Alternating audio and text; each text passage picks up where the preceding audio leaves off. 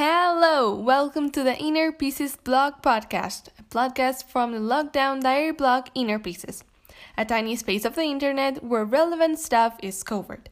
This is a part of a podcast series, Infobills, a five minute podcast that creates a debate in one specific topic among the ones covered on the blog. Today, we're beginning with a very high requested topic technology, more concretely, social media. I've built out some bullet points that I want to cover in this InfoBuild program to discuss about them. Before we start, please, I want to make sure that you all know that you can post your personal opinions in the comment sections down below. I'll be happy to read your opinions and maybe talk about them in another audio. Having that said, let's crack in. First, I want to ask you a question Is the usage of technology changing people?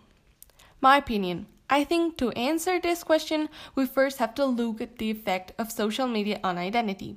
Modern phenomena of fake identities and having different online and offline identities goes far beyond what we know as catfishing. Catfishing is a deceptive activity where a person creates a sock puppet presence or fake identity on social networking services. Having to deal with online and lies and real life can cause bewilderment in teenagers' mind. We're used to seeing flawless, radiant lives on social media, and so our instincts leads us to copy those behaviors.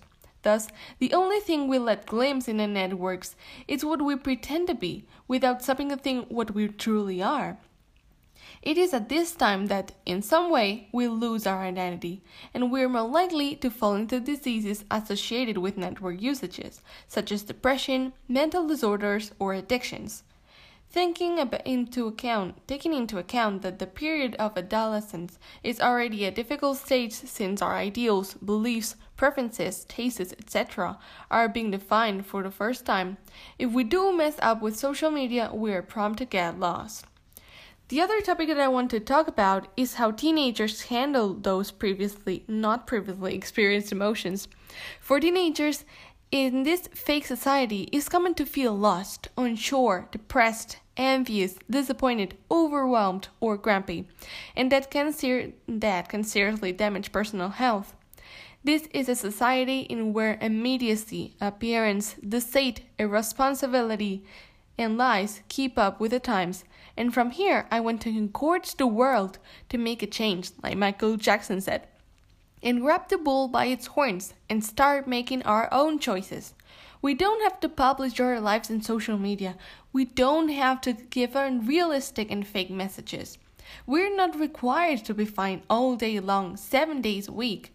We don't have to trust everything we see, and we should question some things that we think are being not tr- realistic or true. However, as I always say, each man for himself. Of course, everyone must do what they think is right, and it's not obligated to follow a single opinion. Today, I've only shared mine. Having that said, I hope you liked it, and I'll see you in the next info bill. Thank you.